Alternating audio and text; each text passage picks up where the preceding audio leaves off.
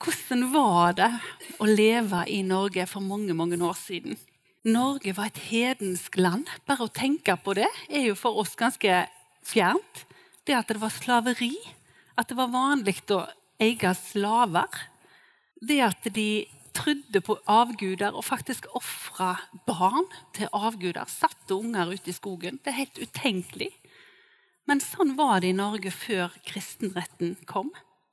Kvinnene bestemte ikke over eget liv, og det var vanlig å ha flere koner. Det å ikke få være med og bestemme hvem du skulle gifte deg med, var en helt vanlig ting òg i Norge. Medbestemmelse. Forskjellene mellom menneskene var enormt store, fattig og rik. Og så ble det bedre når kristenretten kom. Men allikevel så vet vi at det var store forskjeller. Kirka fikk en makt som ikke alltid var like sunn og like god.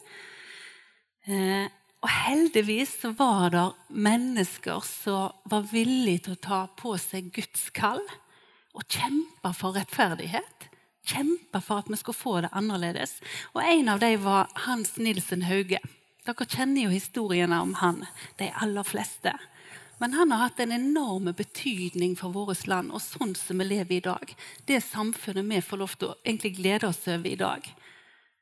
Spesielt kvinnene. Han åpna en vei for mange, men det kosta han.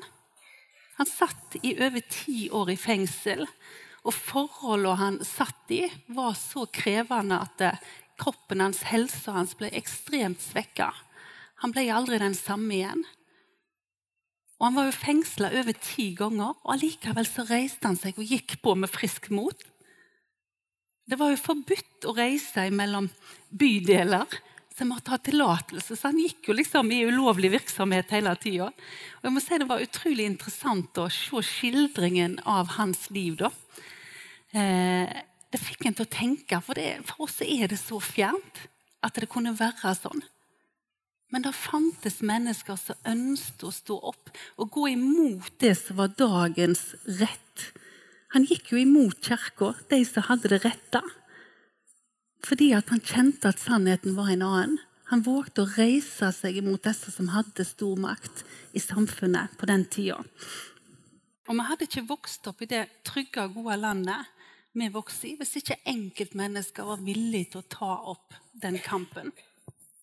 En annen som har betalt en kjempehøy pris for at andre skulle få et bedre liv, det er Jesus. Han gav avkall på sin plass i himmelen, der han hadde det helt topp med Jesus og Gud og Den hellige ånd. Og så tok han på seg en tjenerskikkelse og var villig til å komme ned her i et menneskeskikkelse og leve som et menneske, men uten synd. Og hans oppførsel var også stikk i strid med det den religiøse eliten hadde på den tida. De skriftlærde, de som hadde peiling. Jesus utfordra dem, og han provoserte dem med sin oppførsel. Og det at han var iblant de som du egentlig ikke skulle omgås med. Blant synderne, blant de som ikke hadde fått det til. Jesus ble forakta av de som var de rettroende på den tida. De som hadde det om du vil.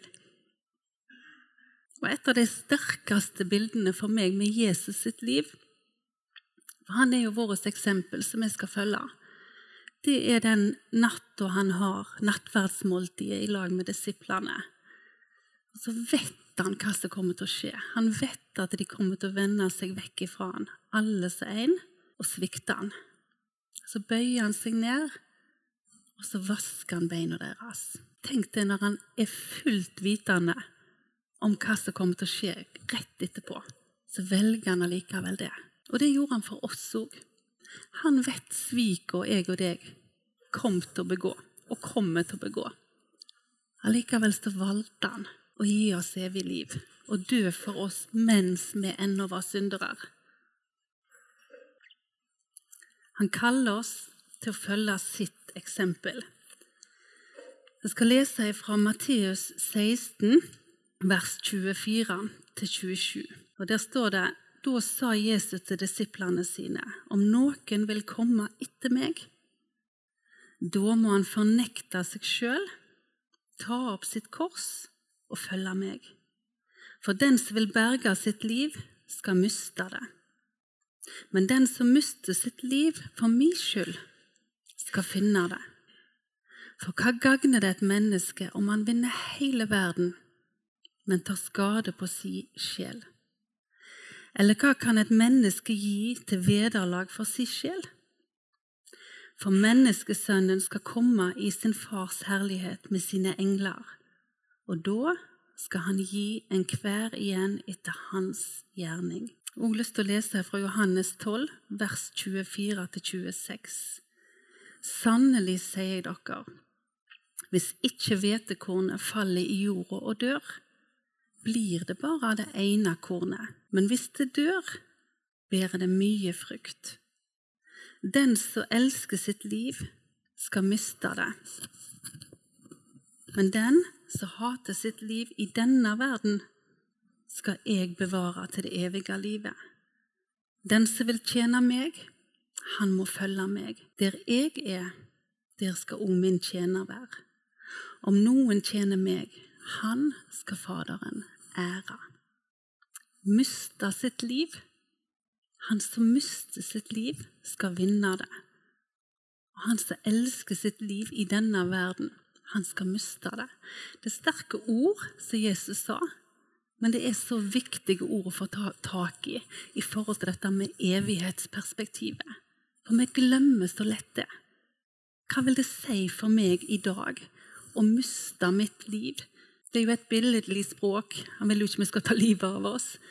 Men dette med å velge noe annet enn det mitt kjøtt, mitt egoistiske si, system, har lyst til det å la kjøttet mitt eller mitt liv dø og velge Jesus sin vei istedenfor.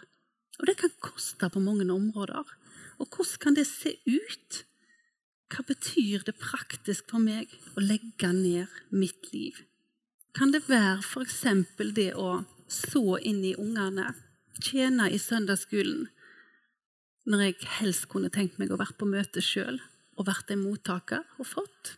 Kan det være å Stå tidlig opp, lage frokost til familien og sørge for at alle får en god start. Da koster det noe for meg.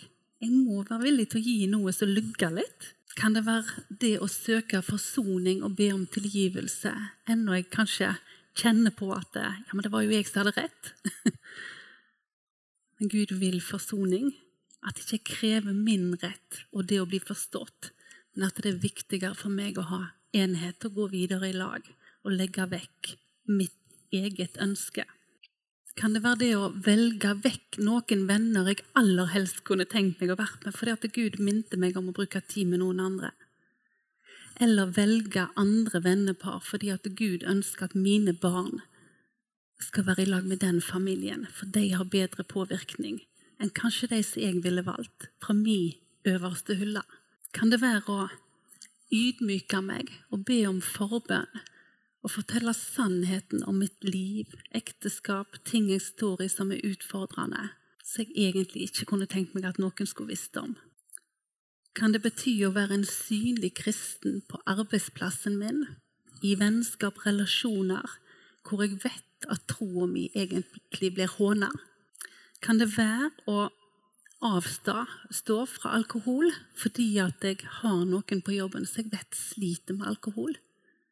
Og de trenger noen si så de kan stå sammen med, så ikke det blir så tøft. Kan det være at jeg velger å jobbe redusert når ungene mine er i en viss alder, fordi jeg ønsker overskudd både til å være i lag med mine egne, men kanskje òg være en, en, frivillig medarbeider og få så inn i andre sine unger, sjøl om det betyr at vi har mindre inntekt over en periode.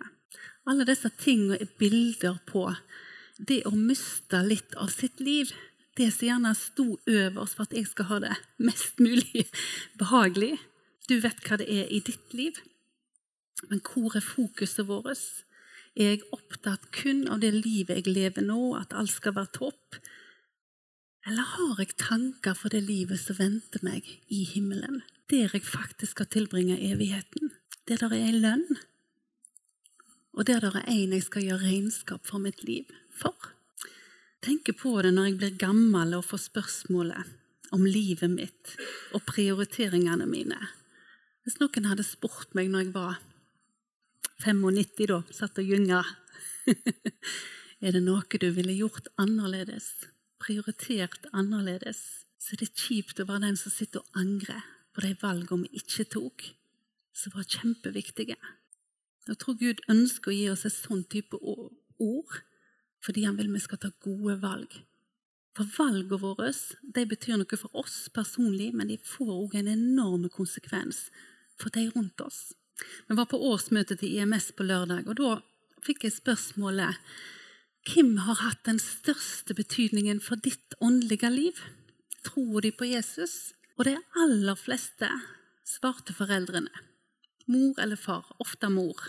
Og så var det noen som svarte søndagsskolelærer, lederne for laget jeg gikk i, ledere i menigheter, folk som har gått i lag med meg. Men de aller fleste hadde mor, foreldre, på førsteplass.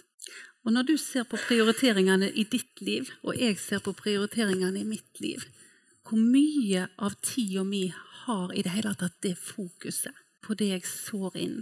I mine egne, kanskje først og fremst, men òg andre. Hvor mye av tida mi vier jeg egentlig til oppdraget Jesus gav? Gå ut og gjør disipler. Og jeg tenker først og fremst gjelder kanskje det de vi har en naturlig inngang til. De som er der rett foran oss. Så kanskje er de det vanskeligst fordi at de ser hele oss. De ser de gode dagene og de dårlige dagene. Ikke bare når vi følte for å stå på torget og liksom hadde en kanonsesong. Men de ser livet vårt, handlingene våre, mye mer enn ordene vi sier. Vi er jo en generasjon som har fått det meste opp i nevene. Vi er vant til å stille høye krav. Og samfunnet rundt oss har påvirket oss til å leve mer egosentriske liv. Denne generasjonen har nok blitt fostra opp mye til å tenke 'what's in it for me'? Hva har jeg igjen for det? Og vi oppdrar også mange ganger ungene våre. Vi snakket litt om det på leiren. Vi heier veldig på dem, men det skaper òg en kultur hvor vi frarøver dem det å gjøre noe for andre uten et motiv. Det å bare få kjenne gleden av å være en velsignelse for noen andre uten at jeg venter noe igjen. Heiarop fra sidelinja og liksom stadige bekreftelser. Da skaper vi òg ofte en generasjon som på en måte må ha det for å være gående. da. Og Gud ønsker å gi oss en indre motivasjon. Den gleden vi får av å gjøre andre glad. Ikke for at vi skal få noe igjen, eller få bekreftelse eller kjenne på at vi er noe, men bare for at det er en glede for oss å så inn. Det å få bety noe for andre med et rett motiv. Vi vet jo dugnadsånden har stått sterkt i landet vårt i mange år, så ser vi at den er på vei nedover. Og jeg tror jo det er en del av dette bildet som har med det å gjøre. Før så gjorde vi noe for fellesskapet. Vi bretta opp. Det var viktig for oss å være, bidra til fellesskapet. Mens nå så ser vi en trend hvor det stadig blir mer fokus på me, myself and I. Jeg, meg sjøl og meg. Ord som trofasthet og forpliktelse er nesten blitt fremmedord. Og mange av oss som lover å holde sammen i gode og onde dager, er dessverre altfor mange som gir opp når de vonde dagene kommer. Og Jeg sier ikke dette for å fordømme ei gruppe, for vi er i samme båt alle her på et eller annet område. Vi er et produkt av vår tid, og vi blir påvirka. Og det gjelder ikke bare i ekteskap, men mange typer relasjoner. Vennskap, innad i familien, arbeidsplassen. Vi bryter fortere opp vi står ikke i en støyt. Og Mye av grunnen til det tror jeg handler om at vi søker vårt eget. Vi velger minste motstandsvei. Og det gjorde disiplene òg. Det er Jesus fullstendig klar over i våre liv.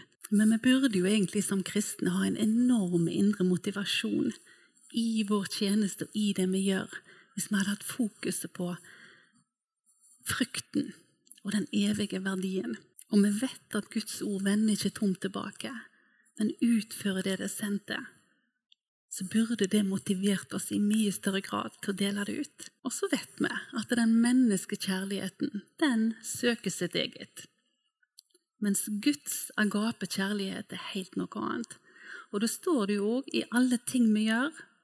Om vi hadde gitt alle pengene vi har til de fattige, eller hadde profetisk gave som var helt fantastiske, så hjelper det ingenting hvis ikke vi har kjærlighet. Og den kjærligheten som Gud snakker om her, er det kun Han som kan gi oss. Det står i 1. Korinter 13, 4-7. Og Det er en ganske annerledes kjærlighet enn den iallfall jeg har i meg sjøl. Vet ikke hvordan det er med deg, men regner med meg i samme båt. Kjærligheten er tålmodig. Kjærligheten er velvillig. Den misunner ikke. Den skryter ikke. Den er ikke hovmodig, den krenker ikke, den søker ikke sitt eget. Den er ikke oppfarende, og den gjemmer ikke på det vonde. Den gleder seg ikke over urett, men har sin glede i sannheten. Kjærligheten utholder alt, tror alt, håper alt og tåler alt. Og når vi ser på denne type kjærlighet, så kjenner jo jeg bare på tålmodigheten at jeg, eh, begynner det liksom å Og spesielt når jeg tenker ja, denne type kjærligheten hvis, du tenker på en person som du elsker av hele ditt hjerte, en du er skikkelig glad i, om det er ungene dine eller mor eller en bestevenn eller Hvor mange ganger mister du tålmodigheten med den personen? Hvor mange ganger har du misunt den personen, eller skrøtet kanskje til dem? Eller vært litt tålmodig? Hvor mange ganger har du søkt ditt eget istedenfor den personen sitt ve og vel? Vi kommer til kort så fort på de punktene. Vi trenger Guds hjelp på disse områdene, alle mann. Og dette er egenskaper som er en del av åndens frukt. Og det er kun Han som kan produsere i vårt liv. Jeg kan stå og riste meg sjøl i, men jeg klarer ikke å produsere den type frukt i mitt liv hvis ikke jeg er kobla på stammen som produserer den type frukt. Du vet, Et epletre hadde ikke produsert epler hvis ikke han var i, eh, i stammen til et epletre som produserte den type frukt. Og jeg i meg, jeg produserer ikke den frukta av meg sjøl. Men hvis jeg er kobla på Jesus og bruker tid i lag med han og poder inn på hans tre, så kan jeg bære den type frukt. Hvor jeg får en tålmodighet som ikke er av meg sjøl hvor jeg kjenner velvilje der jeg egentlig i det naturlige burde kjent noe annet. Hvor jeg ikke er håmodig der jeg vet at her hadde jeg blitt stolt. Jesus kan gi oss de egenskapene, men det er kun ved å bli i Han vi kan få den type egenskaper. I Johannes 15 så står det i vers 1-4.: Jeg er det sanne vintreet, og min far er vingårdsmannen. Hver grein på meg som ikke bærer frukt, tar han vekk. Og hver grein som bærer frukt, renser han, så den skal bære mer. Dere er alt rene på grunn av det ord jeg har talt til dere. Bli i meg, så blir jeg i dere. Like så greinen ikke kan bære frukt av seg sjøl, men bare hvis den blir i vintreet. Slik kan heller ikke dere bære frukt hvis ikke dere blir i meg. Dette er Jesus sine ord, og det er så sant. Bli i meg, så vil vi oppleve tider av beskjæring. Og det er ikke godt å bli skåret i. og når vi sitter sånn som her òg og får et ord, så er det ikke alltid at det er ord og klør i øret, men det er ord som er nødvendige for oss. Fordi Jesus vil vi skal modnes. Han er fornøyd med oss. Han frelste oss sånn som vi er. Men han vet hvor mye mer potensial vi har, og han vil vi skal bli den beste utgaven av oss sjøl. Derfor så beskjærer han oss, tar vekk det som ikke bærer frukt, så vi kan bære mer frukt. Det var hensikten med livene våre, at vi skulle bære frukt, at vi skal være hans vitner. Det er en hensikt med vårt liv. Og Han vil ikke at vi nødvendigvis bare skal sitte og være mottakere. Da blir vi som et døde hav. Det må ha et utspring òg. Et friskt vann. Og alle har vi noe å komme med. Gud, du vet hva Gud har lagt ned i ditt liv. Men det koster litt å være villig til å gi det. Når jeg stiller meg fram og skal gi Guds ord, så kan jeg ikke det hvis jeg ikke lever nær til Gud sjøl og rydder vekk ting som skurrer i mitt liv. Så det tvinger meg på en måte nær. Og når jeg leda lovsang, når jeg gjorde det òg, så kjente jeg at det å stille meg fram hvis jeg hadde uoppgjorte ting i livet mitt, eller ting mellom meg og Gud, det var ubehagelig. Så det koster en pris. Og det å være i tjeneste for Gud, det å ville gå i Hans ferdiglagte gjerninger, det beskytter oss òg. For det tvinger oss på en måte til å leve nær til Han. Til å gjøre opp, til å rydde vekk ting som lager hindringer på linja. Hva er viktig for deg og dine valg i livet? I Matteus 6, 19-24 så står det Samla dere ikke skatter på jorda, hvor møll og rust tærer, hvor tjuver bryter inn og stjeler. Men samla dere skatter i himmelen, der verken møll eller rust tærer, og tjuver ikke bryter inn og stjeler. For hvor din skatt er, der vil òg hjertet ditt være. Øyet er legemets lys. Er ditt øye friskt, ja, da vil hele ditt legeme være opplyst. Men om øyet ditt er sjukt, da blir hele legemet mørkt. Er nå selve lyset i deg mørke, hvor djupt blir da mørket? Ingen kan tjene to herrer, for enten vil han hate den ene og elske den andre, eller vil han holde seg til den ene og forakte den andre? Dere kan ikke tjene både Gud og mammon. Hvor er fokuset vårt? Elsker vi denne verden og alt som er i den, og bruker all vår tid der? Eller har vi fokuset på det evige og det som òg skal komme? Som himmelske medborgere så bør vi det. For vi er ikke av denne verden, vi er i denne verden. Vi er hans ambassadører på denne jord. Jeg vet ikke om tanken har streifa deg, men det er litt, det er litt voldsomt. Det var ei som sa til meg, ei klok dame som sitter her nede, hun sa du kan eie ting, men sørg for at ikke tinga eier deg. Hvor mange ganger setter vi oss ikke i situasjoner hvor tingen eller det vi har skaffet oss, eier oss? Tenk litt over ditt liv. Er det sånn at du eier det og er fri, eller eier tingene deg? Mange av dere har sikkert hørt om denne vekkelsen som er på Vigeland nå. Fantastisk inspirerende. Et bedehus som bare hadde noen få besøkende de siste åra og lurte på om de skulle legge ned. Og Så har de invitert inn en eh, sangevangelist og bare skulle ha noen møter. Og de hadde stort sett møter når det kom noen og kunne forkynne. Og så bare tar det fyr.